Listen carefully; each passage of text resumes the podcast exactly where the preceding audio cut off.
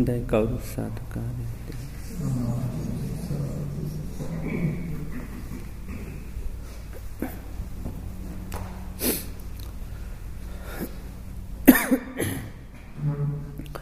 නමුතස්ස භගවතු වරහතෝ සම්මා සම්බුද්ධස්ස නමුතස්ස භගවතු අරහතු සම්මා සම්බුද්ධස්ස නමුතස්ස භගවතු අරහතු සම්මා සම්බුද්ධස්ස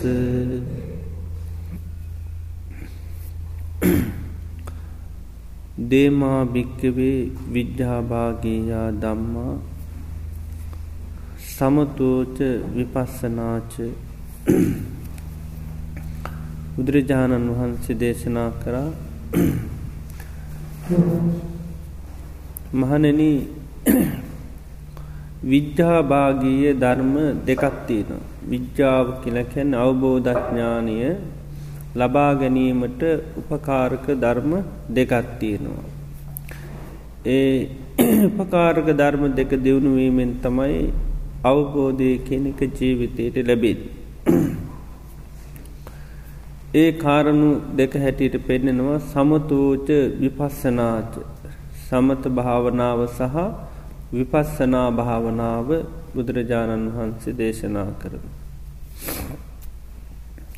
සමතු භික්කවේ භාවිතු කමත්ත මනුබෝති සමත භාවනාව වැඩීමෙන් ලැබෙන ඵලය මොකද්ද කියලහනවා. කුමන අර්ථයක්ද සමත භාවනාව කිරීමෙන් සිද්ධවෙන්.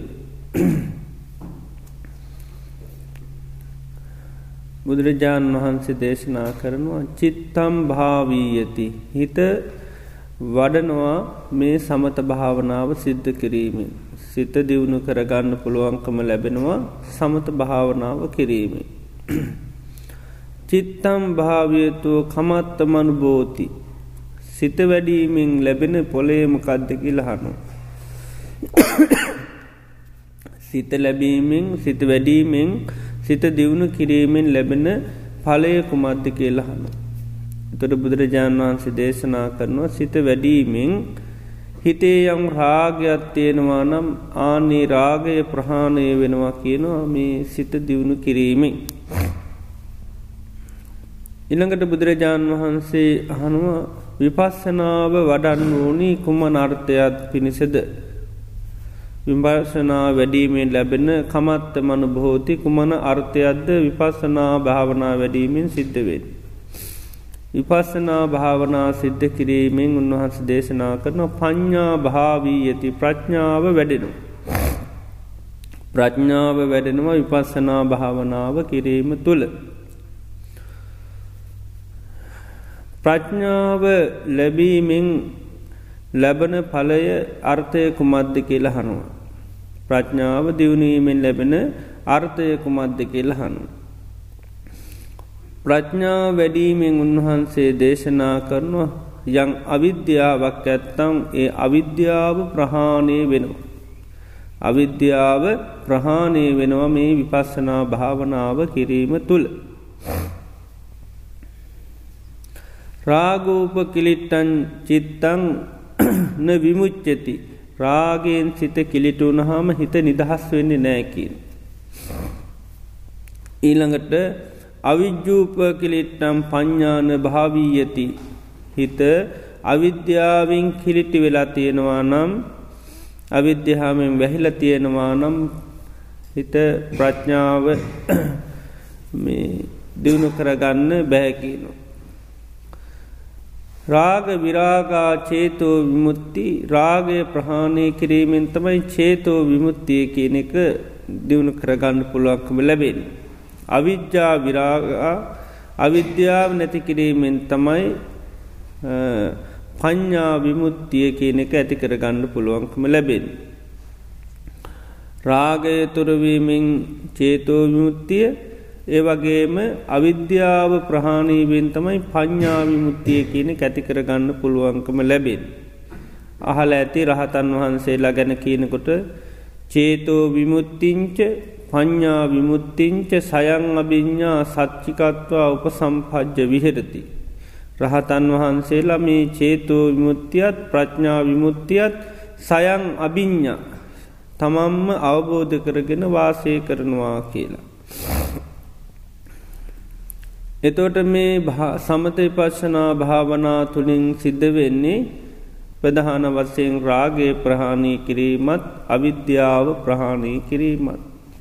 සංසාරයේ ගැන කියනකොටත් කියන්නේ මේ සංසාරයේ දිගින් දිගට මේ සත්‍යයම් පැවතිගෙන එන්නේ අවිද්‍යා නීවරණානන් සත්තානං අවිද්‍යාවෙන් වැහිල.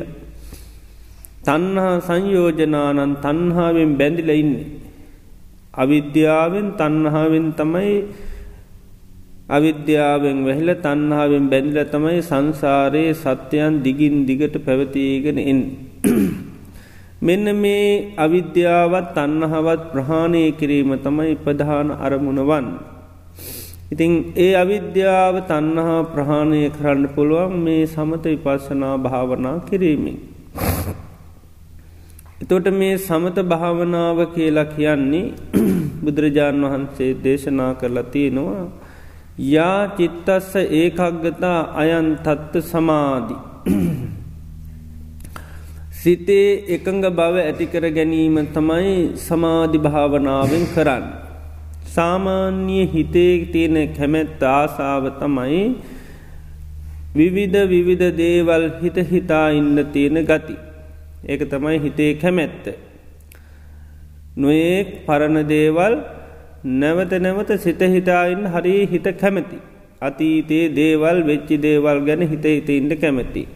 අනාගතයේ කරන්න තියෙන දේවල් හිත හිත ඉන්න හිත කැමැති. ඒක හිතේ තියෙන රාගයක් ඇල්ම. ඒක ඒ තුළ තමයි හිත නිතරම පවතින්නේ පරණ දේවල් හිත හිතෙන්ට කිසිීම අපහසුතාවයක් දැනෙන නෑ හිත කැමැති ඇතෙන්ට. අනාගතයේ කරන්න තියෙන දේවල් හිත හිතෙන්ට එකත් අමාරු දෙයක්නෑ බොහොම හිත කැමැති. වෙහෙසක් වීරියත් දරන්න ඕන්න නිරායාසයෙන්ම හිතේ කරා යනවා. මොකදේ කැමැති නිසා. කැමැත්ත තියෙන නිසා තමයි යන්න. එතොට සමත භාවනා කරනකොට අපි මොකද කරන්නේ මේ විවිධ දේවල් සිත සිතාඉන්න මේ හිත එක අරමුණකට එක භාවනා මනසිකාරයකට පුහුණු කරන. එතවට අර විවිධ දේවල් හිත හිත ඉන්න තිබුණු කැමැත්ත කැරිල මේ එකරමුණකට හිත ටික ටික පිහිටනවා. ඒකයි මේ සමත භාවනා කරනකොට ප්‍රධාන වත්සිං රාගය ප්‍රහාණය වනවා කියන්න ඒක. හිතේ අර තියෙන දැඩී කැමැත්ත.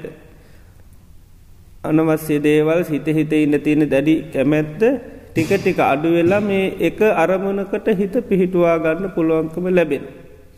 තර සමත භාවනාවෙන් කරන්න පුළුවන් තනං විසිරිච්චි හිත එක්තැන් කරන එක. විසිරිච්චි හිත එත්තැන් කරන එක සමත භාවනාවෙන් කරන්න. එතකොට ඒ සමතය වඩන්න වඩන්න ඒකයි අර සිතේ තියෙන ඒ රාගය කියන එක අඩුවවී යනු. එතවට සමත භාවනාව අපි වඩනකොට අපි හොඳට අවබෝධ කරගන්න ඕන සමත භාවනාව ගෙන් සිද්ධ වෙන්න මොකක්ද. සමත භාවනාවෙන් අපි පුළුවන්තරම් හිත එක්තැන් කරන්න තමයි අපි මහන්සි ගන්නට ඕ. ඒ සඳහා අපි යම් භාවනා මනසිකාරයක් පුහුණු කරන ඔය පුහුණු කරන භාවනා මනසිකාරය තමයි පුළුවන්තරම් සිහිය පිහිටුව ගන්නට ඕන්.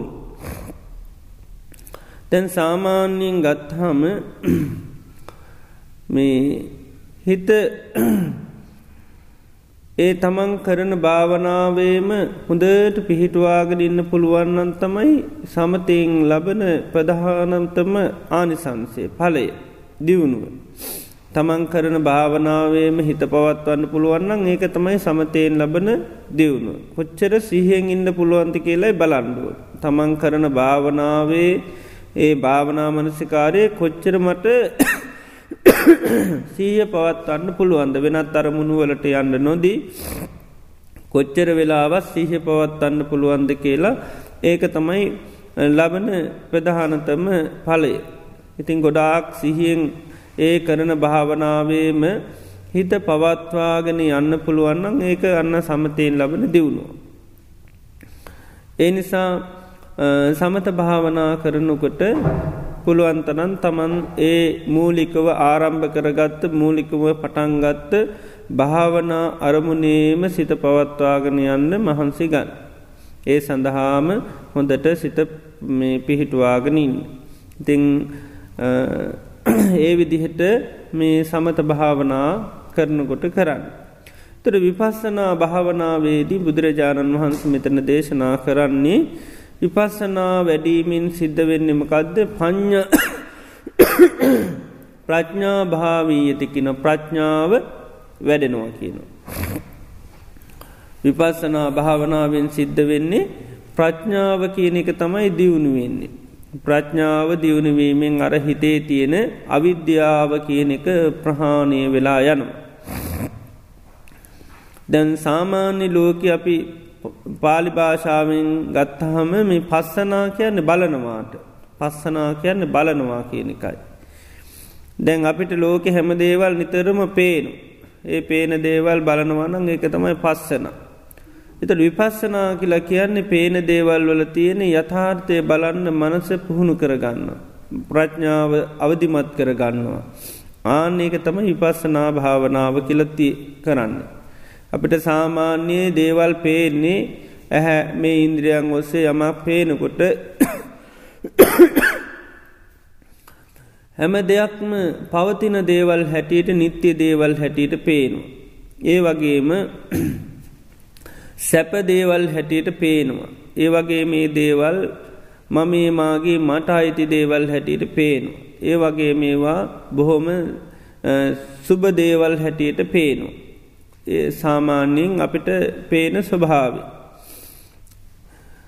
ඉතින් විපස්සනා භාවනාවෙන් කරන්නේ ඒ ඒ පේන දේවල් වල තියෙන ඇත්ත ස්වභාවේ දැන් අනිත්‍යයි නිත්‍යයි කියන එක ඒ පවතින දෙයක් නොවේ.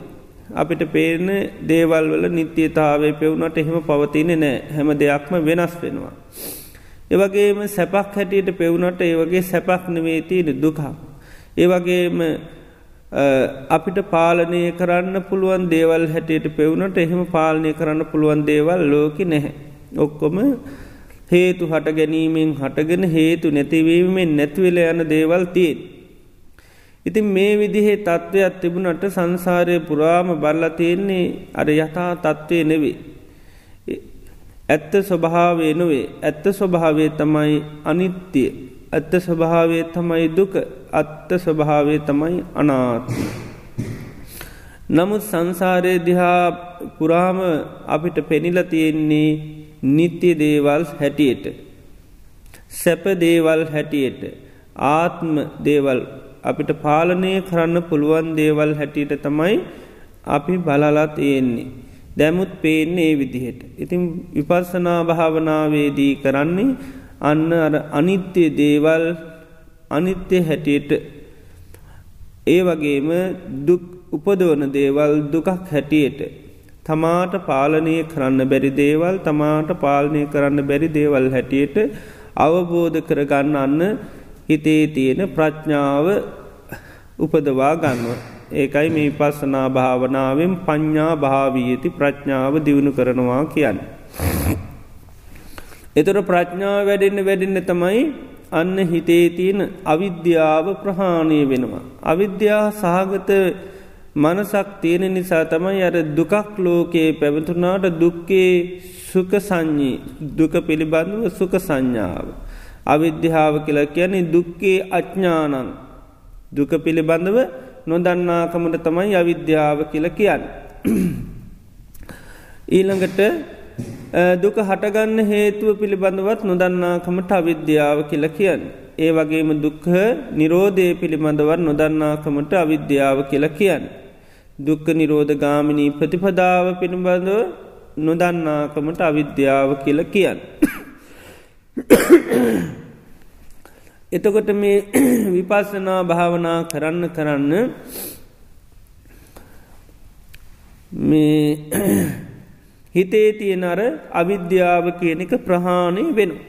එතොට මේ සමත භාවනා විපස්සනා භාවනා කිරීමෙන් සිද්ධ කරන්නේ ඒකයි. එතොන මේ සමත භාවනා විපස්සනා භාවනා දෙක සමත භාවනාවෙන්ම භාවනාව පටන් ගන්න පුළුවන්. ඒකට කියන්නේමකදද සමත පුබ්බංගම විපස්සනා කියලා පළමියෙන්ම සමත භාව සමත භාවනාව කරනවා. ඊට පස්සේ තමයි විපස්සනාවට හැරෙන් ඒකට කියන සමත පුබ්බංගම විපස්සනා කියල. තව පුළුවන් විපස්සනා පුබ්බංගම සමත විපස්සනා භාවනාවෙන් පළමියෙන් පටන්ගන්න. ඒකට කියන විපස්සනා පුබ්බංගම සමත කියලා. දෙක එකට කරනකට කියෙන යොගනද්ද කියල දෙක එකට කරනවා. එතවට මේ සමත භාවනාවෙන්ම භාවනාව පටංගන යනකොට ටිකක් පහසු ඒකට කියන සුකා පටිපදා කියලා ප්‍රතිපදාව සැපයි. හේතුව තමයි සමතය වඩනකොට හිත සංසිින්දනවා. එතොට හිතේ තියෙන රාගදේශමෝහ ඒ කෙලෙස් යටපත්වෙනවා. කෙලෙස් යටපත් වනහම දිගින් දිගට භාවනාව පහසුවෙන් කරගෙන යන්න පුළුවන්කම ලැබෙනවා. ඒකට කියෙන සුකහා පටිපදා කියලා. තර විපස්සනාවෙන්ම භාවනා පටන් ගත්තාහම ඒක දුක්කා පටිපදා ප්‍රතිපදාව දුක් සහිතයි වෙනවා. මොකද වරින්වර අර රාග දේශමෝහ නීවරණ ධර්මාදී පණනැගෙනවා. එතොට ඒවා යටපත් කරගෙන තමයි කරන්නෝ. එහෙම නැත්තං විපස්සනා කරනොට නිතරම යථාර්ථය අවබෝධ වෙන භාවනා පටන්ගන්න. එතොට ඒවා අසුභ සංඥාව මරණ සතිය ආහාරය පිටකුල් සංඥාව අනිත්‍ය සංඥා මේ වගේ දේවල් තමයි මේ විපස්සනාවට ගන්න. එතකොට ඒවා සාමාන්‍යයෙන් සුභ අරමුණු නෙවේ. ඒ නිසා මේ ඒ වගේ භාවනා මුල්කරගෙන තම ඉපස්සනා වඩන් ඒ නිසා සාමාන්‍ය පශ්ශනාවෙන්ම භාවනාව පටන්ගන්නවට කියනවා දුක්කා පටිපදා කියලා. ප්‍රතිපදාව ටිකත් දුක් සහිතයි. එතොට මේ සමත භාවනාවෙන් වඩනකට සුකා පටිපදා ප්‍රතිපදාව සැපයි හැබැයි ඒ වනාට හැමෝටම ප්‍රතිපදාව පහසු වනාට අවබෝධය කියනක ඉක්මනින් වෙන්නේ නෑ. සමහර අය ඉක්මනින් අවබෝධ කරගන්න පිරිසක්කින්න සමහර අය හෙමීට. මොකද සමහර අයට ඉන්ද්‍රිය ධර්ම බොහොම හෙමීට තමයි සමාධී තිබුණට අනිත් එව වැඩේ. ඒකට මේ දුක්කා පටිපදා දංජාබිඤ්ඥා කියල කැන ප්‍රතිපදාව බොහොම පාසු අවබෝධය හෙමීට. ඊළඟට තව මේ කෙනෙකුට සමාධියත් හොඳර තියෙනවා නුවනත් ඉක්මට වැරන එකට තමයි සුකා පටිපදා කිප්පාබිඤ්ඥ ප්‍රතිපදාව බොහොම පහසුයි අවබෝධයත් ඉතා ඉක්මනි. සමහරයට අර ප්‍රතිපදාවිත්හාම දුක් සහිතයි ඒ වනාට අවබෝධ වෙනවා ඉක්මනින් ඒකට කියනවා දුක්හා පිටිපදා කිප්පාබිඤ්ඥ ප්‍රතිපදාවත් බොහොම දුස්සහිත වනාට අවබෝධය ඉක්මක් ප්‍රඥාව ඉක්මනින්ම පහළ වෙන. සමහරයට ප්‍රතිපදාවත් දුකත් ඒ වගේම හිමිහිට තමයි අවබෝධයක් වෙන්නේ. ඉතිං මේ විදිහට මේ සමත විපස්සනා දෙකින්ම භාවනාව කියන එක දියුණු කරගන්න පුළුවන්කම ලැබෙනවා. තින් තමන්ට මුලින් පුරුදු කැමැති භාවනාවකින් භාවනාව පටන්ගන්න පුළුවන්. එතට මේ භාවනා කිරීමෙන් අපි කරන්නේ මොකදද සිතේ සමාධියත් ප්‍රඥාවත් ඇතිකර ගැනීම තමයි කරන්න. මේ දෙකම අපේ මනස තුළ තමයි ඇතිකරගන්නට ඕන. තට භාවනා කරනකොට අපි මනස පිළිබඳව හොඳ අවබෝධයකට පැමිණිලා තමයි භාවනා කරන්නට ඕන. භාවනා කරනකොට මනස පිළිබඳව යං වැටහීමක් ඇති කරගන්නට ඕනි. එතකොට තමයි භාවනාව පහසුවෙන් කරගෙන යන්න පුළුවන්කම ලැබේ. තැන් සමහර විට සාමාන්‍යයෙන් අපිට දැනෙන්නේ මනස මගේ කියලනි නේද මගේ හිත කියලා තමයි අපිට තේරෙන්. දැම් මගේ හිත හින්ද අපි සාමාන්‍යයෙන් මගේ හිත අපි ඉක්මනට තැම්පත් කරගන්න අපි සාමාන්‍යින් කැමැති. නමුත් හිත මගේ කියලා ගත්තට හිත කියන්නේ හේතු පලදහමක් නිසා පවතින එක. ඒ නිසා මේ හේතු පලදහමක් නිසා පවතින හිත හේතු වනුව තමයි සකස් වෙන්නේ. ඒ නිසා ඒ අවබෝධය ඇතිකරගෙන මේ හිත කියන්න හේතු පලදහමින් එකක් හිතේ ස්වභාව හඳුනාගෙන භාවනා කරන්නඩෝ නැත්ත මගේ හිතනම් හිත දුවනකොට මකද වෙන්නේ කම්පාවට පසු තැවීමට පාවට ලක්වෙන. ඉති එනිසා හිත ඉස්සල්ලම් හඳුන ගණ්ඩෝනි සාමාන්‍ය ලෝකයේ දෙයක් කරනකොට අපි හඳුන ගණ්ඩෝනි මොකක්දමං කරන්නේ. දැම් භාවනා කරනකොටත් අපි හිත දියුණු කරන්න හිතේ සමාධි ප්‍රඥා ඇති කරන්නයි භාවනා කරන්න.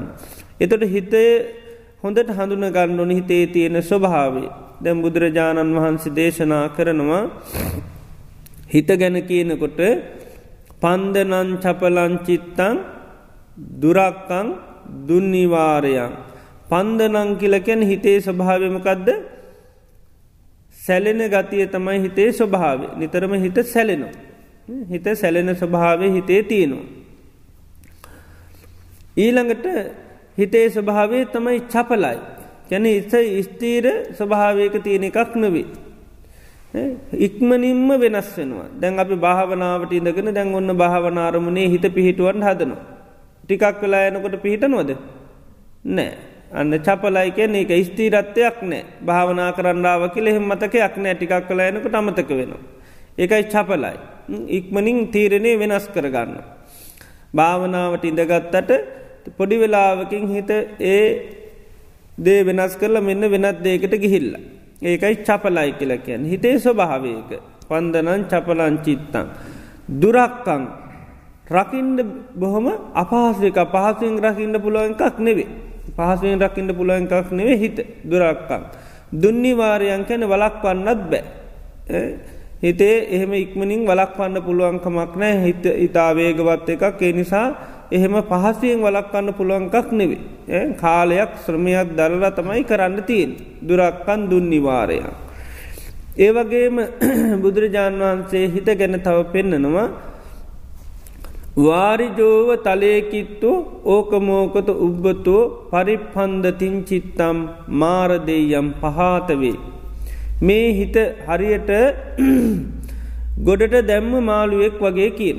මාළුවෙක් වතුර ඉන්නකොට පීන පීන පීන යනවා කිසි පස්්නයක් නෑ පස්්නයන්න පීන පීන යනවා. දැ මාළුවා ගොඩට දැම්මුත්මකද වෙන්න. ගොඩ්ට දැම්මුත් ඔන්න දඟලන්න පටන් ගන්න ගොඩට දැම්ම හම තමයි ඔන්න මාළුව දඟලනවා දඟලනවා එක විදිහට තප්පරයක්වත් ඉන්නේ නෑ. වතුර ඉන්නකොට පස්්නයක් නෑ පීන පීන ඉන්නවා කෙරවරක්කරතු යන්න තියෙනහින්න යනවා. ඇබැයි ගොඩට දැම්ම ගමම්ම මොහොතක්වත් එක විදිහට ඉන්න බැපුළුවන් තරන් දඟලනවා. ආන් ඒ වගේකින හිතත්. හිතත් මේ පංචකාමයෙන් අයින් කරලා. හිත භාවනාවට ගත්තහමන්න හිතත් අරන්න මාළුව වගේ තමයි කියනවා පුද්දුම විදිහට දඟලනවා.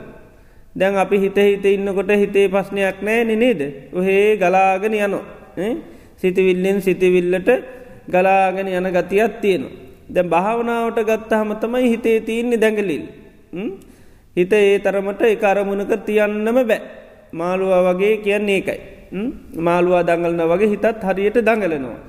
දැම් නිකාං හිත හිත ඉන්නකොට හෙම එකක් නෑ ඔහේ ගලාගෙන යනවා හිත. මාළුව වතුර ඉන්නකොට පීන පීන යනවා වගේ හිතත් එහෙමයි අරමුණෙන් අරමුට පීන පීන යන ස්වභාවයක් තියෙන්. ඉතින් බර භාවනාවට ගන්නකොට ටිකක් හිත දඟලනවා. ඉතින් අපි හඳුන ගණ්ඩුවන් මේ ගොඩට දැම්ම මාළුව වගේ. වතර ඉන්නවනම් පස්්නයක් නෑ. ගොඩ දැම්මොත් ඒ වගේ හිතත් එහෙමයි. බාහිර අරමුණ තුළ හිත බොහොම පහසුවෙන් යන ගතියක් තියෙනවා. භාවනාවට එනකොට හෙම නෑ. බොහෝම හිත මේ දඟලනවා. ඉති ඒක හිතේ තියෙන ස්වභාවයක්. ඊළඟට සුනි දසං සුනිපුනං මේ හිත කියන්න එහෙම ලේසිම් පේන එකක් නෙවේ. පේන එකක් නෙවේ හිත.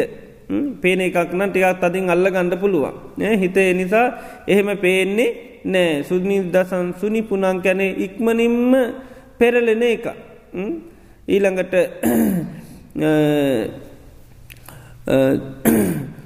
තවත් හිතේ ස්වභාවේතමයි දුන්නින් ගස්ස හිතට එහෙම ලේසියෙන් නිග්‍රහ කරන්න බැහැ. කැන නිග්‍රහ කරා කියල එහෙම කලකිරෙන්නේ නෑ.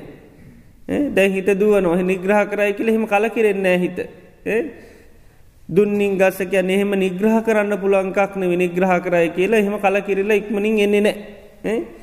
හිතේ ස්වභාවේමයි. අපි භාවනා කරනකොට සමහට හිතාම අනවස්‍ය සිතිවිල්ලක් නවා දැන් ඒකට නිග්‍රහ කරලා හිතට ඇයි ඒ වගේ හිතන්න කියලා අපි නිග්‍රහ කරන. නිග්‍රහ කරල භාවනාවට ගත්තා කියීමකු. ඒ වනාට අර කරපු නිග්‍රහය වැඩි වෙලාවක් නෑ ආය තර තැන්ටම ආය යන්න පුළුවන්. ඒකයි හිතේ ස්වභාවේ ඒකයි දුන් නිගස්ස කියන්නේම නිග්‍රහ කරන්න පුළුවන්ක නෙවේ දේශ නිග්‍රහ කරයි කළ එහෙම කල කිරෙන්නේ නැහැ දුන්නින් ගස ලහුණෝක නිතා ඉක්මනින් පෙරලෙනවා. යත්ත කාම නිපාතිනු කැමති තැනට තමයි යන්නේ. දැන් සංසාරය පුරහා කැමතිලති නොහේ දේවල් හිතන්. ඔහේ අතීතයේ වෙච්චි දේවල් හිතන්ඩ යනාගතය කරන්න තියෙන දේවල් හිතන්ඩයි හිත හුරු වෙලතිීන්. ඉතින් ඒකට තමයි දැන් සාමාන්‍යෙන් හිත යන්නේ එකයි කැමති තැනට යන ඒකයි.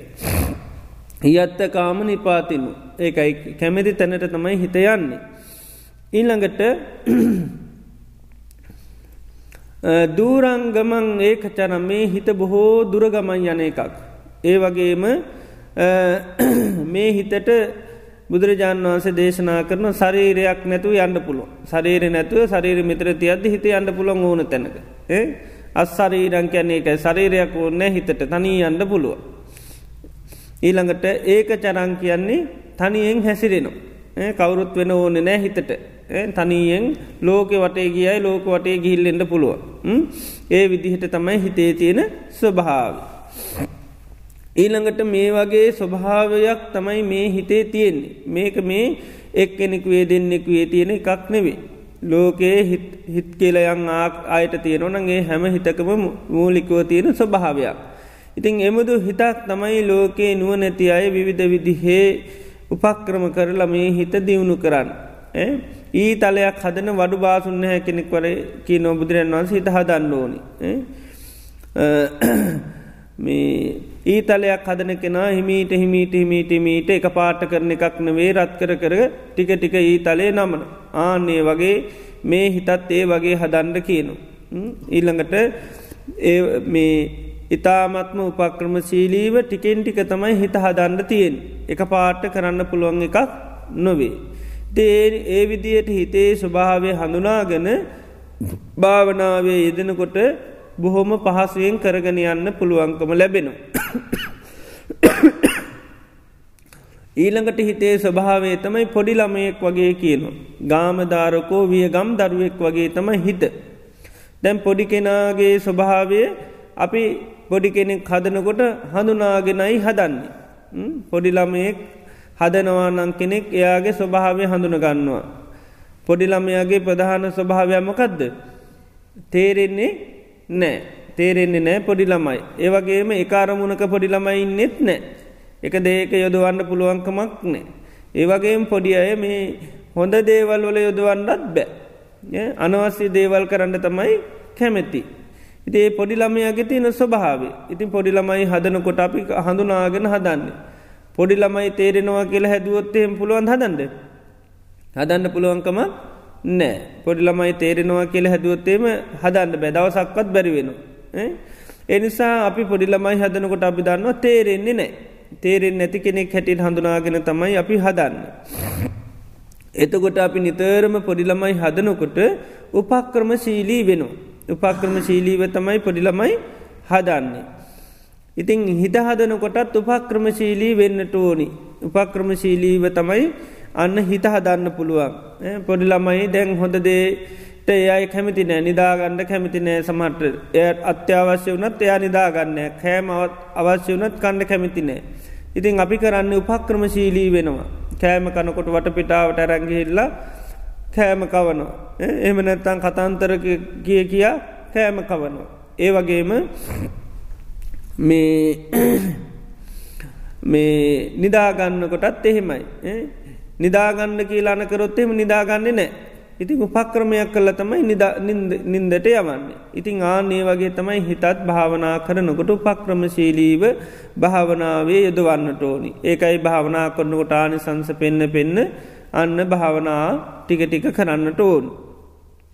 ඒවගේ මනි පැත්තෙන් ගත්තහම හිත දැන් අර පොඩිළමය වගේ පොඩිළමේ අපි හදනකොට කම්පා වනාය සැලුනාය කියල පොඩිළමයි හැදෙන්නේ නෑ ඇඩුවයි කියල පොඩිළමයි හැදෙන්නෙත් නෑ. ඉතිං හිතත් එහෙම තමයි භාවනා කරනකොට මේ හිත පිට යනවා දුවනවා කියලා ඇඩුවයි කියලා කම්පාවනායක තර්ජනය කරයි කියලා හිත හැදෙන්නේ නැහැ. උපක්‍රම කරොත් තමයි හිත හදාගන්න පුළුවන්කම ලැබෙන්. ඒ වගේම තමයි මේ හිත බුදුරජාණන් වහන්සේ මේගේ පෙන්න්නන්නේ කුළු හරකෙක් වගේ පෙන්නන්න. දැන් හරකෙක් පාලනේ නිකන් ජීවත්වෙන්න පුළුවන්කමක් නෑ හරකෙකුට ඒ නිසා නිතරම හරකෙකුට ගොපල්ලෙක් ඉන්නවා. හරක පාලනය කරන්න ගොපල්ලෙක් ඉන්නවා. ඒ ගොපල්ල තමයි හරකාව පාලනය කරන්නමකද හරකට තනියෙන් ජීවත්වෙන්න බෑ සයිරීව ජීවත්වෙන්න බෑ. දැන් හරකෙක් නීර කැරයි යන ගොපල්ලා හරක කැරයි යනකොට හරකගේ ස්වභාවේ තමයි නීරය යනකොට දෙපැත්තේ තියෙන ගොයමට හොම්බදා. ඉතින් ගොපල් අමකද කරන්නේ කෙවිටක් කරන් ගහල මතක් කල දෙනවා ගොයන් කණ්ඩ තහනං කියලා. ගොයන් කණ්ඩෝනිකන්නෙවේ තනකොල කනුව මිසක්ක ගොන ගොයන් කන්න බෑ. නමුත් හරක හිතන්න ගොයන් කෑවොත්තමයි හරි. ඉතින් ඒනි සාමකද කරන්න ගොපල්ලා මතක් කරලා දෙනුව එක වැරැද්දක් කියලා. නමුත් කෙවිටේ සැරතියනකං විතරයි ඒක මතක. ආයෙත් ටිකක් වෙලා යනකොට ආයෙත් හොම්බ දානු ආයෙත් ගොපල්ලමකද කරන්නේ. ආයෙත් මතක් කරලා දෙනු. එතුරු ගොපල්ලගේ කාර්ය භාරයමකක්ද. කොච්චර හොම්බ දැම්මත් කෙවිටෙන් ගහල මතක් කරලා දෙන එක තමයි කාර්ය භාරය. දෙ හැමදාම ඒක කරනවා.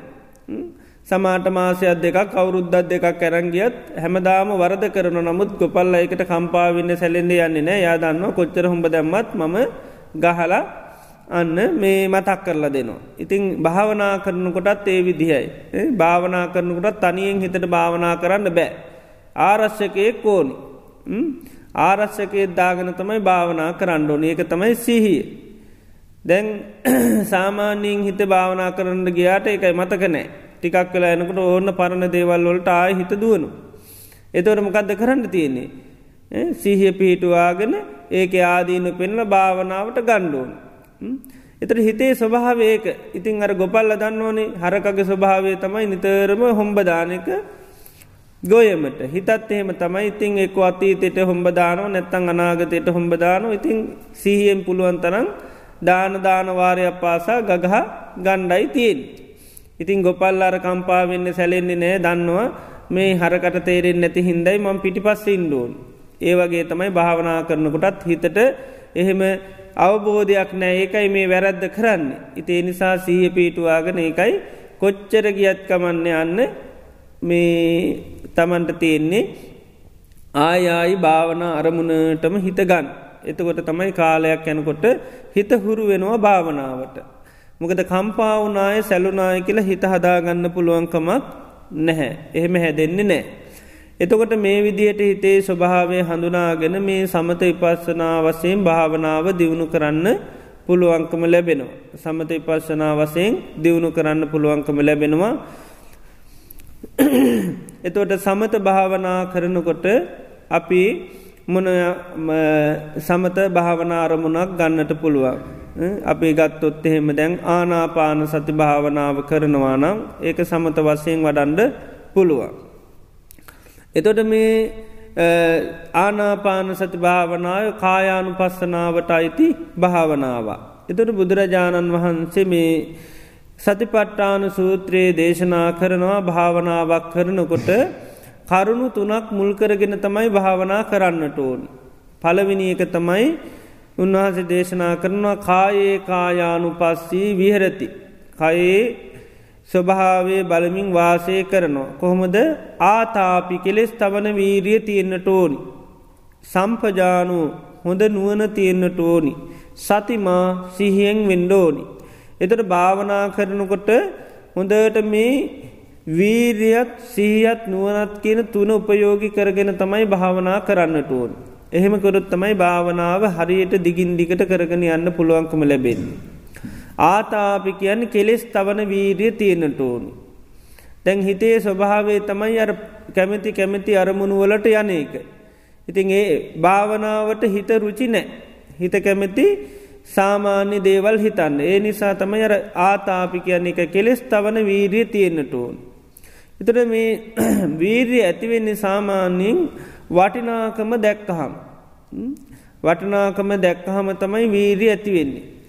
අර සතර සම්යප්පදම් වීරියතින් අකුසල් ගැන කියනකරන උපන්නානං අකුසලානන් දම්මානම් පහනාය. උපන් අකුසල් ප්‍රහාණය කරන්න නම් තංජංජනීති කැමැත් ඇති වෙන්ඩෝනි කියනවා. කැමැත් ඇති වෙන්ඩෝනි අන්න උපං අකුසල් ප්‍රහාණය කරන්න. ඊළඟට කුසලයක් ගත්තත් ඒමයි උපන්නානං කුසලානන් ධම්මානන් ටිති උපං කුසලේ පවත්වන්න. දැන් භාවනාව කියන්නේ අපි උපදවා ගන්න දැන් කුසලයක්. ඇබැයි තියාගන්න බෑ. ටිති කියන්න තියෙන්නේ. අසම්මොහ කියන්න අපිට අමතක වෙනවා.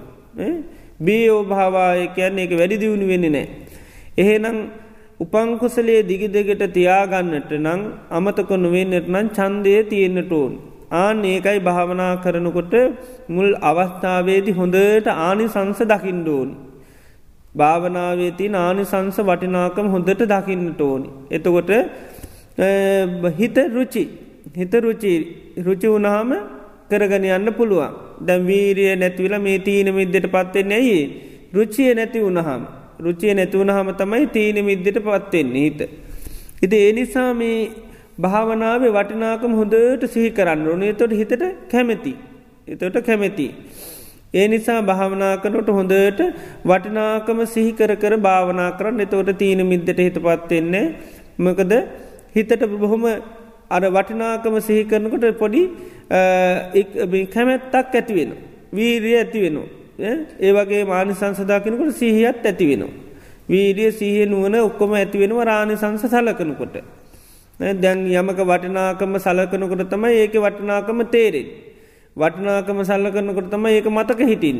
ඉතින් ඒ නිසා භාවනා කරනකොට ආනිසංස පොඩ්ඩක් සිහිකර කර කරන්නට ඕනි. එතකොට තමයි ටික ටික ටික අර හිතේ දුවන ගතිය නැතිකර ගන්න පුළුවන්කම ලැබෙන්නේ. නැත්තං හිතට ඉට දුන්නොත්මකද වෙන්න? එක්කො හිත කාමච්චන්දය කරා යන එම නැත්තම් ව්‍යාපාදය කරා යන එහෙම නැත්තන් තීන මිද්ද කරා යනවා. එහෙම නැත්තං උද්දච්චකුක් කුච්චේට පත්න හිත විසිරෙනවා. විවිධ දේවල් හිත හිත හිත ඊට පස්සේ කම්පාවට පත්වෙනවා තැවෙනවා. තැවෙන්ට තැවෙන්ට තව තවත් හිත විසිරිලා යනවා. එහෙම නැත්තම් විචිකිච්චාවට පත්වෙන අනේ මං කරන භාවනාව හරිය දන්න? හරියට කෙරෙනවාද දන්නෙත් නෑ මට කැලපෙන කමටහනත් දන්නෙත් නෑ කියලා සැක ඇති වෙනවා සැක ඇති වෙනකොට හිත දියුණු වෙන්නෙත් නෑ. ඉතින් ඒ නිසා භාවනා කරනකොට මේ හොඳට සීහ පීටවාගෙන අට භාවනාවේ ති ආනිසංස හොඳට හිතන්නටුවන්. ආනිසංස හොඳට හිතල තමයි භාවනාව පටන් ගන්නට ඕනි. ඒ අරමං උදෙත් කියපු ආකාරයට ඉස්සරලාම භාවනා කරනකොට ඉන්න ඉරියව්වට හොඳට සිහ පීටෝ ගන්න. දැම්මම් මේ ඉඳගෙන ඉන්න කියල හොඳට සිහි කරනවා. හොඳට සිහි කරලා ඊට පස්සේ දැම්මම් මේ ඉඳගත්ත භාවනාවට කියලා ඉඳගෙන සීකරන දැම්මම් මේ ඉඳගත්ත භාවනා කරන්න නැත්තන් අමතකෙනවා ටිකක් වෙලා යනකොට. ඊට පස්සේ භාවනාවති නානි සංසහිතන මේ භාවනා කිරීමෙන් මට බොහෝම සෙතක් වෙනවා සාන්තියක් සැනසිල්ලක් ඇතිවෙනවා ජීවිතයේ තියෙන දුත්පීඩා නැතිවෙලා ජීවිතයට පුදුම සෙතක් සාන්තියක් ඇති වෙනවා තමන්ට වැටහෙන විදියට භාවනාව ආනු සංස හොඳට හිතට දැනෙන විදියට සී කරන්නු. ඒ කරලා ඒ නිසා මම හොඳ සිහියෙන් හොඳ කල්පනාවෙන් භාවනා කරනවා කියලා මේ භාවනාවේ හිත පිහිටුවා ගන්නට ඕන්. ඒ භාවනාවේ හිත පිහිටවා ගත්තහම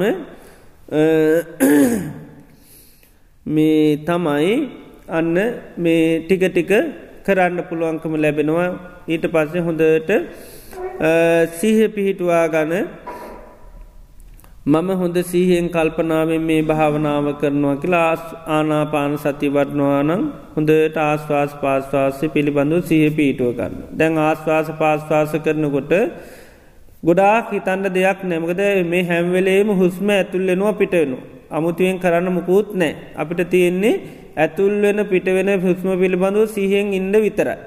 ඒක හැම්වෙලේම උපන්දා හින්ද වෙන දෙයක්. ඒ අමුතුවෙන් කරන්න දෙයක් නෑ අපිට තින සිහියෙන් ඉන්ඩයි. බුදුරජාන් වන්ස කැන සෝ සතුව අස්ස සති සතුව පස්ස සති හෙතම සිහ ඇතුව හුස්ම ගන්නවා සී ඇතුව හුස්ම හෙලෙනවා. එතකොට සිහ ඇතු හුස්ම ගන්න කොටත් සිහ ඇතුව හුස්ම හෙලන කොටත් හිත ටික ටික හිතමකද වෙන්න තැම්පත් වෙනවා. ඉති එනිසා මූලික පීවර වසයෙන් කරන්න තියෙන හුස්ම ඇතුල්ලෙනකොට ඇතුල්ලෙනවා කියල හොඳට සිහි කරන. පිට වෙනකොට සීපීට වෙනවා කියලා සිහි කරන. එතොට සමත වසයෙන් කරනකොට අපිට තියෙන්නේ හුස්ම පිළිබඳවර සිහියෙන් ඉන්න. එතොට කාලයක් හොඳට කරන්න කරන්න කරන්න මොක දෙන්න අර හොඳට හුස්ම ඇතුල්ලනට ඇතුල්ලෙනවා පිට වෙනකොට පිට වෙනවා කියල සහි කරන්න පුළුවන්. එතොට හිතේ ඒ සිහි කිරීම කාලයක් කරනයනට නිරායාසයෙන් වෙනවා. උත්සාහයෙන් තොරුව කරන්න එත ඒකට තමයි විතක්ක කියල කියන්න. විතක් කියල කියන්න ඒකයි හිත ඒ අරමුණේම පවත්වන්න පුළුවන් විදියට හිත හැසිරෙන. හිත පවතිනෝ ඒ අරමුණම සීක හුස්ම ඇතුල්ලනට ඇතුල්ලෙනවා පිට වෙනකොට පිට වෙනවා ඒ විදියට පුළුව විතක්ක. විචාර කියන්නේ වෙනත් බාහිර තැනක හිත යන්නේ නෑ. ඒකෙම හිත පවතිනවා. ඊට පස්සේ හිත දැම් පිට යන්න ඇතිවෙනකොටමකද වෙන ප්‍රීති ඇතිවෙන. ප්‍රීති විතක්ක විචාර පීති. ඊළඟට සුක කියන්නේ කායිකවත් මානසිකවත් ලෝකූ සැපයක් ඇතින්. සුක ඒක අගතා කියන්නේ එකඟ බව ඇති වෙනවා. ඉතිං එතකොට තමයි යන්න මේ භාවනා කරනකොට ඒ විදියට වෙනකොට ඒක තමයි පලවෙනි සමාධී අංග පිහිටනු. ඒ සමත වසයෙන් කරනකොට. එතොට අපිට අර විදියට මේ මූලිං තියෙන්නේ බොහොම පොඩ්ඩක් කරලා හිත දුවන අය අර විදිේ ආනි සංස බලබල පොඩ්ඩ පොඩ්ඩ තමයි කරන්න ඕන. එතකොට පොඩ්ඩක් කරපුහාම අන්න ඒක හරියට කරන ඊට පස්ස ආය සීහ පීටුවාගෙන කරනවා. ඊට පස්සේ සහ පීටවාගෙන ආනි සංසිහිතල එනිසා මම හොඳ සිහි කල්පනාවෙන් භාවනා කරනවා කියලා අයත් පියවරක් කරනවා. එක ආයත් අර විදිට සීහ පීට එතොට තමයි මේන නැත්තන් මොකද වෙන්න? ගොඩාත් තීන මිද්දෙට එහෙම නැත්තං වෙනත් අරමුණුවලට හිත විසිල්ලයන් උද්දච්චයට හිත පත්වෙනවා එම නැත්තං කාමච්චන්දයට පත්වෙන ව්‍යාපාදයට පත්වෙනවා. අර විදිිය කරනකොට යන්න විදිහක් නෑ හිතට. පොඩ්ඩක් කරනවා ආයත් ශ්‍රී පීටුව ගන්න. එතකොට මොකද ඒකයි? එතවට තම ආතාපි කියන්නේ එකයි කෙලෙස් වලින් හිත තවනවා. ඒවට යන්න දෙන්නේ නෑ එක යාතාපි සම්පජානු සතිමා කැනෙ කළ හොඳ සීහ උපදුව ගන්නවා. හොඳට ඊළඟට මේ නුවන උපදෝගන්න මේ සීය නුවන උපදවාගෙන භාවනාව යෙදෙන. එතොට ටික ටික කරන්න පුළුවන්. ගොඩාක් එක දිගට කරන්න කියලා හිත ඇතෑරියොත් කරගන්න බැරි වෙනවා. ඉති ඒ විදිට පොඩ්ඩ පොඩ්ඩ කරන්න පුහුණුවෙන්. එතුවට ඒ විදියට ආනාපාන සතිය වඩනො අයට පුළුවන්. ඒම නැත්තං බුදුගුණ මූලිකෝ වඩන්නත් පුළුවන් බුදුගුණ භාවනා කරන්නත් පුළුවන්. බුදුගුණ භාවනා කරනකොට ඉතිපිසෝගාතාවම සිහි කරන්න පුළුවන් හැබැයි සිහි කරනකොට හොඳට ඒ බුදු ගුණ අපිට හොදට සිහියට නැගෙන්ඩෝ. අරහං කියනකොට බුදුරජාණන් වහන්සේ නිකිලෙස් කෙනෙක් කියන එක හිතට එන්ඩෝ. සම්මා සම්බුද්ධෝ කියනකට උන්වහන්සේ කාගෙන්වත් උපදේශයකින් තොරව ධර්මය අවබෝධ කරගත්තා කියන අර්ථයෙන්ඩෝ. එනකට විද්‍යාචරණ සම්පන්න කියනකොට ගුණනුවනින් යුත්ත කෙනෙක් හැටියට බුදුරජාණන් වහන්සේ ගුණනුවනින් යුත්ත කෙනෙ. ඉළඟට සුගත කියනකට උන්වහන්සේ රාගදේශ මෝහ නැති කරල නිවනට පත් වනා. සුගත ගත කියන්නේ ගියා කෙනෙකයි සුගත කියන්නේ ඒක. ඊළඟට විද්‍යා මේ ලෝක විදුව කෙනකොට ලෝක හැමදේම බුදුරජාණන් වහන්සේ අවබෝධ කර ගත්තේ අර්ථය තමයි හිතට එන්ඩෝන්. ළඟට අනුත්තර පුරිස ධම්ම සාරති දමනය කළ යුතු පුද්ගලයන් උත් මනාකොට බුදුරජාණන් වහන්සේ දමනය කරා. ඊළඟට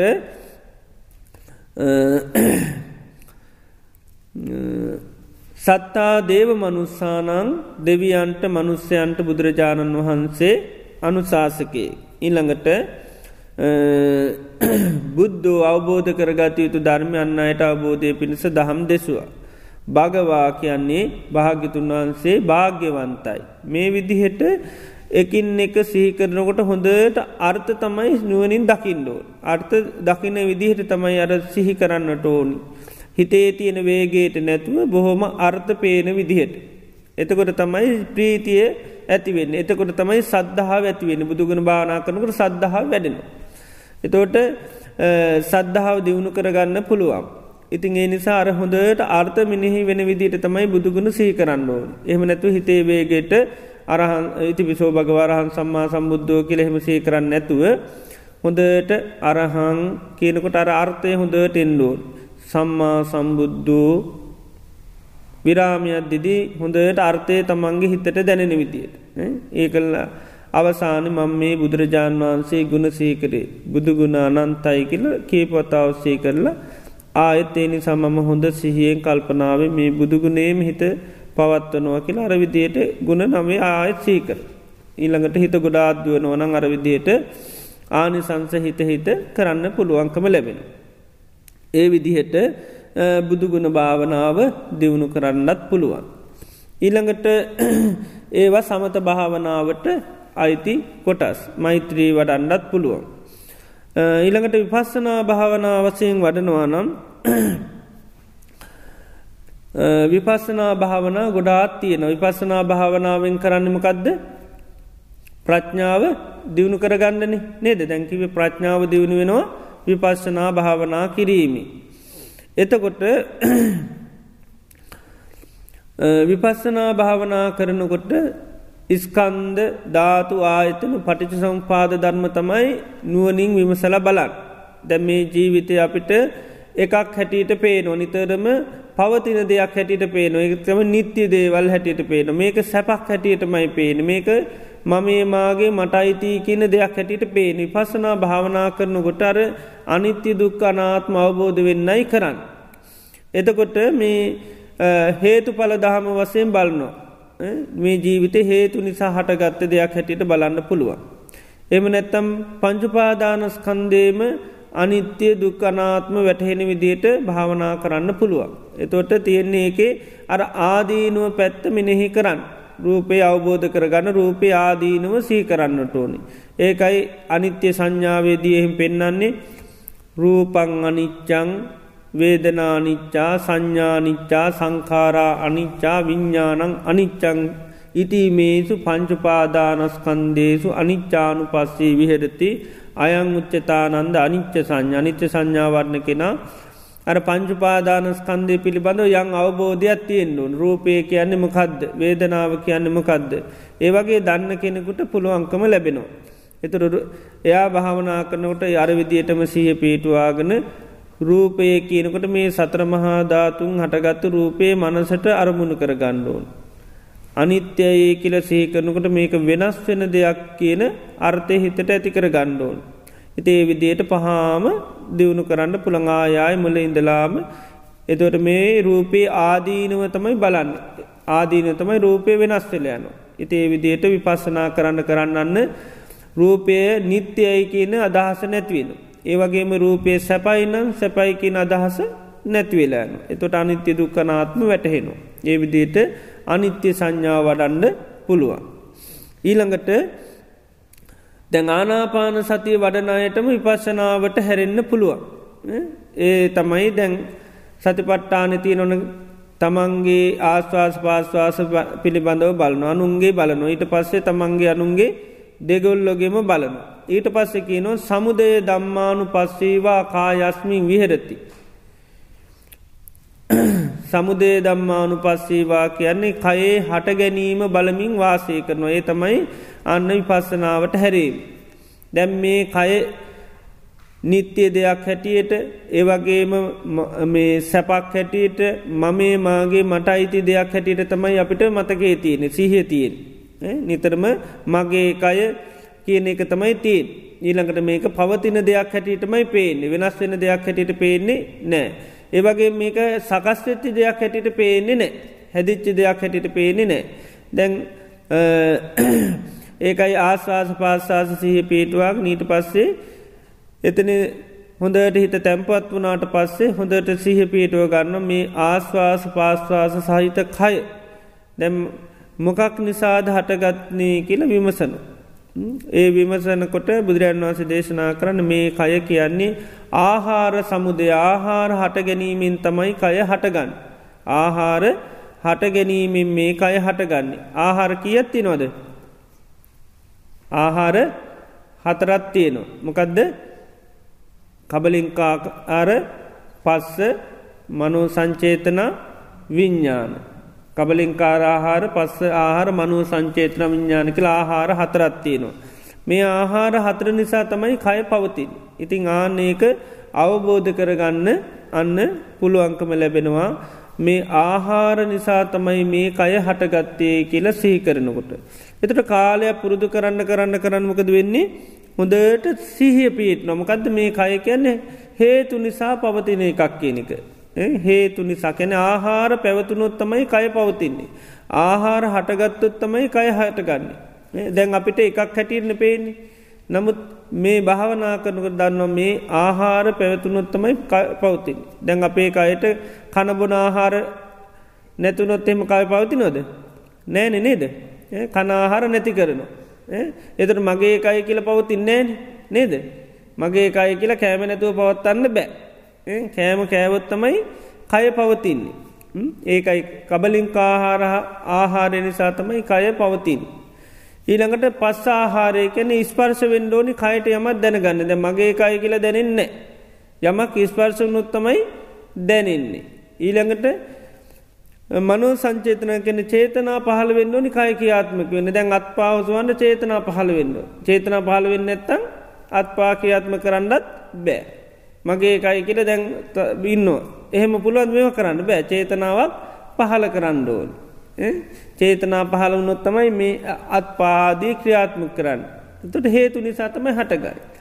ඉළඟට විඤ්ඥානය ආහාරයෙන් තමයි කය ක්‍යාත්මක වෙන ද විඤ්ඥානය නැතුනොත් හෙමකද වෙන මේක දරකඩක් වගේ බුදුරන් වස් කියනවා අන්න මහපොලොයි පස් බවට පත්වෙලෑන තොට මගේ නගේ වෙන්නේ නෑන නේද. අන්න හේතුවත් නැතිවුණොත් නැතිවෙලෑන තොට අරම විපස්සනා කරනකොට ඒකයි මේක ඇත්ත ස්වභාවය අවබෝධ කරගන්න ඒකයි මේ කය කියන්නේ ආහාර නිසා පවතින එකක් කියන අවබෝධයට අන්න භාවනා කරනවා. එතොට ඒ භාවනා කරනට හොඳට සිහි කරන්න තින් මේ කය කියන්නේ ආහාර හට ගැනීමමුයි හටගත්තේ. ඒකම නැවත නැවත නැවත සී කරනවා. එතොට තමයි ඇත් අභ්‍යන්ත්‍රිකු සිහි උපදිලෙන මේ කය කියන ආහාර නිසා හටගත්ත එක. ඊළඟට වයදම්මානු පස්සීවා කායස්මින් විහෙරති මේක නැතිවීම පැත්ත බලනවා. ආහාර නැතිවීමෙන් තමයි කය නැතිවෙන් ආහාර නැතුනොත් මේ කය නැතිවෙලා යනවා. ඒ තොට අන්න ආහාර නැතිවීමෙන් මේ කයි නැතිවෙනවා කියල නැතිවීම බලන. ඊළඟට ඒ දෙක එකට බලනවා. ආහාර හට ගැනීමෙන් කය හටගන්න ආහාර නැතිවීමෙන් කය නැතිවෙලා යන. ඊළඟට මේ විදියට කාලයක් කරගෙන යනකොටමකද වෙන්නේ අන්න අත්ති කායෝතිවා පනස්ස සතිපච්චු පට්ටිතා හෝති. එයාට හොඳ සිහි අපීටනවා. මකදද සිහිය. මේ කය කියන්නේ හේතු නිසා හටගත්ත එකක් කියලා අන්න මේ හේතු නිසා හටගත්ත කයක් හැටියට යාට අවබෝධන. එතොට ආහාර හට ගැනීමනුන් කට කය හටගන්න ආහාර නැතිවීමෙන් නැතිවෙලෑන. ඒකයි අත්තිකා යෝතිවා පනස සතිපච්චු පට්ටිතා හොති යාවදේව. තව තවත් ඥානමත්තායි නුවන වැඩීම පිණිස පතිස්සතිමත්තායි සිහිය වැඩීම පිණිස. අනිශ්සිතෝච විහෙරති. කය හා සම්බන්ධ ඇසුරක් නෑ මම ඒ මාගේ මට අයිතිය කියල දැන් අපි ඇසුරක් පවත්වනවා. මගේ කය නිත්‍යයයි සුකයි ආත්මයි ඒ විදිහෙත් කය හා සම්බන්ධ ඇසුරත්තියන එතට විපස්සනා කරන්න කරන්න එකයි ඇසුර නැතිවෙන. එතෝට මේක අන්න හේතු හට ගැනීමෙන් හටගෙන හේතු නැතිවීමෙන් නැතිවෙන එකක් මිසක් මම ඒමාගේ මට අයිති කියලා පවත්වන්න පුළුවන්කමක් නෑ. ඉතිං අන්න ඒ විදිහට මේ මේ විපස්සනාවට භාවනාවසයෙන් කරන්න පුළුවන්. ඉතින් ඒ විදිහට මේ සමත විපශනා භාවනාවසයෙන් දියුණු කරොත් තමයි ජීවිතය අවබෝධ කරගන්න පුළුවන්කම ලැබෙන්නේ. එනිසා ටිකටිකේ විදිහට පුරුදු කරන්න මුලින් තමන්ට සමත භාවනාව කැමතිනම් සමත භාවනා කරන්න පුළුවන් පස්සනා භාවනාවට කැමතිනං පුළුවන් තව විපස්සනා භාවනාවසිං හිතේ හටගන්න මේ රාගදේශමෝහ කියන මේ අකුසල්වලාදීනුව සිහි කරන්නටත් පුළුවන්. ඒත් ඉඳගන ඉඳගෙන අපේ හිතේ යම් යං අවස්ථාවල්ද මේ කෙලෙස් හටගන්න හොඳට සිහ පීටවාගෙන මේ හිතේ රාගේ හටගන්නම නැතුන් දේශය හටගන්නවා. මේ දේශය කියන මට යහපත පිණිස හේතුවෙනවද අනුන්ට යහපත පිණිස හේතුවන දේවිතියට මේ ඒවගේම දේශය තුළින් මට නුවන වැඩෙනවාද? මේ දේශය දියුණු කිරීමෙන් මට දුකට පත්වනේ විදිට ඒක තින ආදීනෝ සී කරන්න පුළුවන්.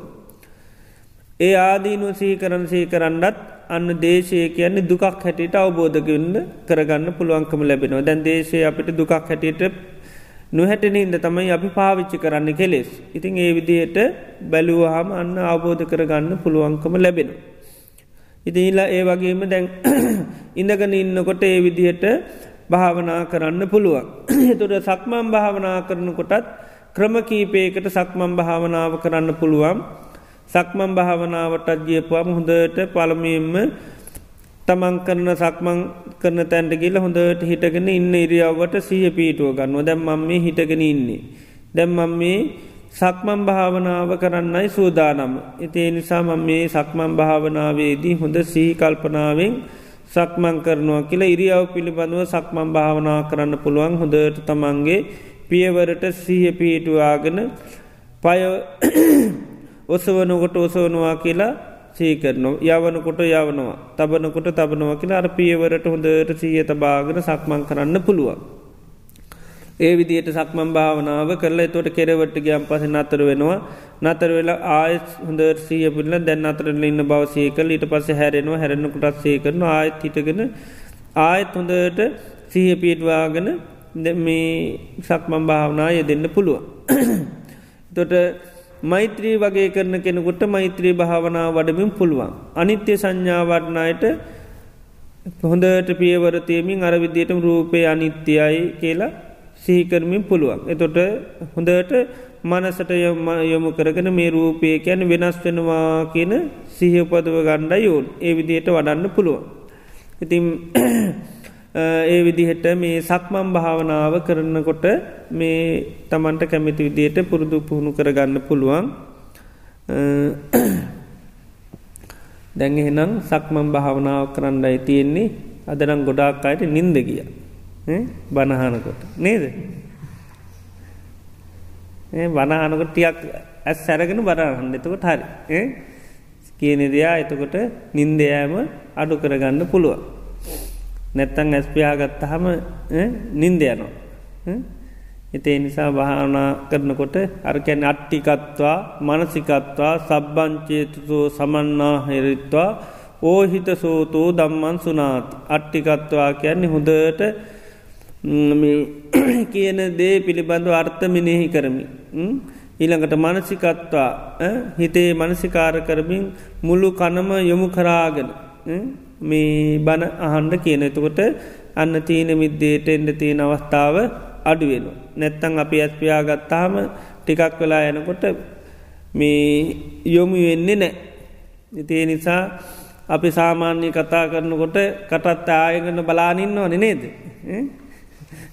ඒ වගේ භාවනා කර මේ බණහනකොටත් හොඳට මේ කරන දේශනය පිළිබඳව කටායගෙන අහගනින් ඩෝල් එතකට තමයි අන්න හිතට යන්නේ. ඉතින් ඒ නිසා මේ බනහනකොට මේ ගොඩක් ඒ පැත්තට යොමුවෙලා කරන්න නැත්තං සමාට ඇස්පයා ගත්තාම නින්ද යන ගතියක් එනෝ. ඉතින් ඒ නිසා දැන්හෙනම් කවුරුත් සක්මම් භාවනා කරන්න අරවිදිහට සක්මනට ගිහිල්ලා හොඳට සීය පීටවාගෙන දැන් නැගින්න තැන ඉඳලා හොඳට දැම් මම හැම ඉරියව්ව හොඳ සීයෙන් කරන්න.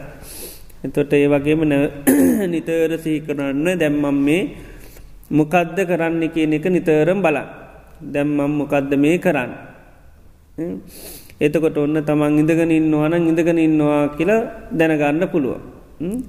එතොට ඒ නිසා හැම්වෙලේම නිතරම තමන්ගේ විමසල බලන්න දැම්මම් මේ මොකක්ද කරන්න. මොකක්ද කරන්න කියල විමසල බලා. එතොට ඉඳගෙන ඉන්නවන ඉඳගෙන ඉන්නවා කියලා සීවෙනවා කතා කරනවා නම් කතා කරනවා කියලා තේරෙනවා. ඒ නිසා හැම මොහොතේම පුළුවන් තරම් විමසල බලන්න. පත්වේශා කරල බලන්න මං මේ මොකක්ද කරන්න. ආන එතවට තමන් කරන දේ තමන්ට තේරෙන්. එතකොට මේ ඒ දේ ඊට පස්සේ අන්න නුවන උපදව ගන්න ඒ නිසා මම දැම් මේ වෙලාවෙ මේ දේ කරන්න මම හොඳ සිහියෙන් කල්පනාව මේ දේ කරන මේ දේ කරන වෙලාව මගේ හිතට කිසිම ආකාර කෙලෙස් ගතියක් එන්න නොදී.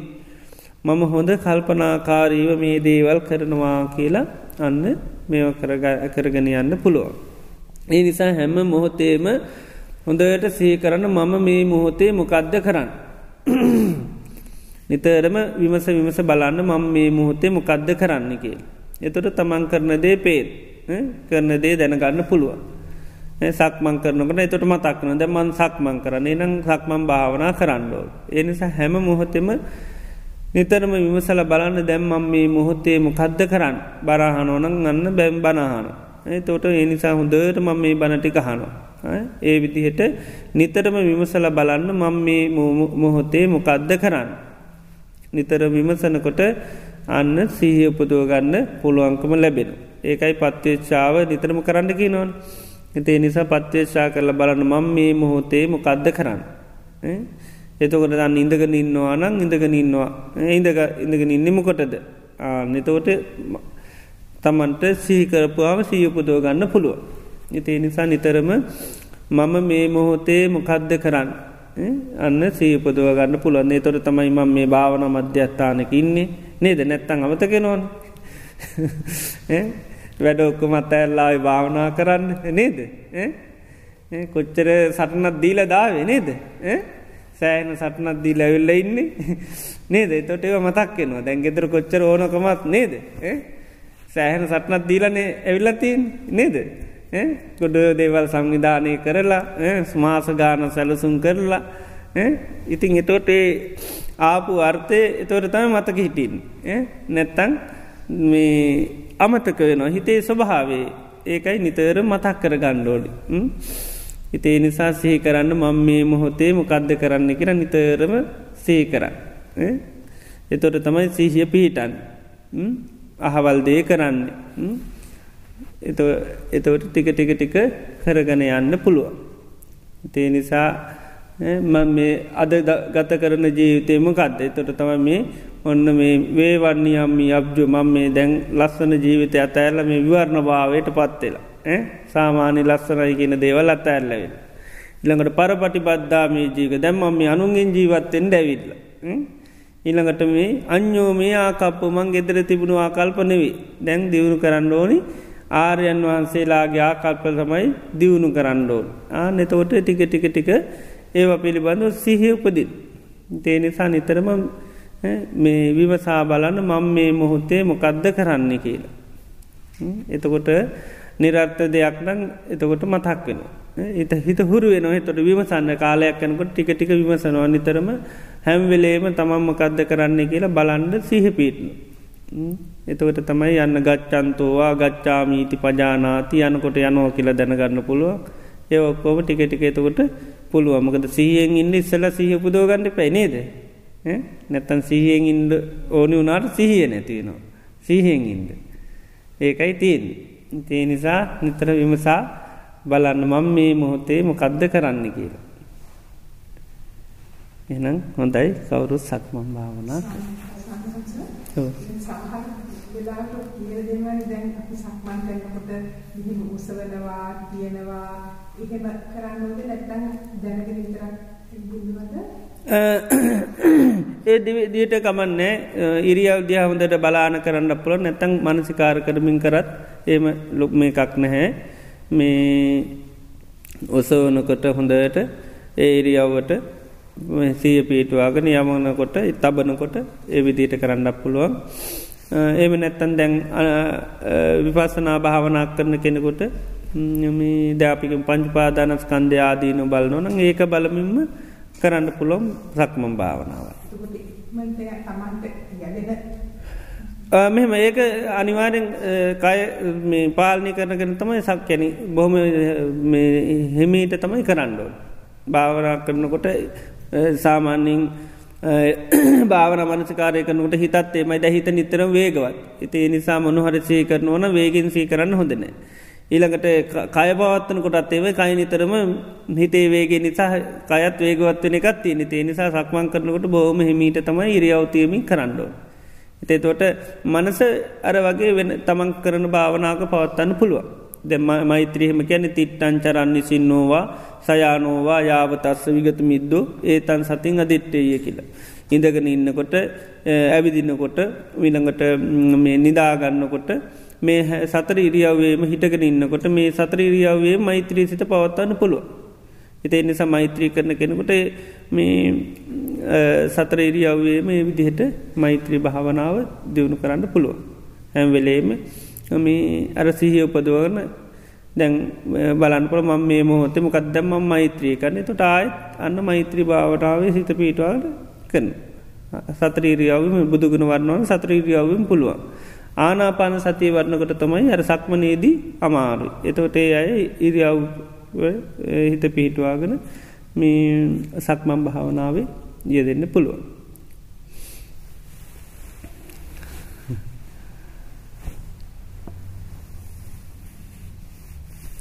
පුළුවන්. එන හොඳයි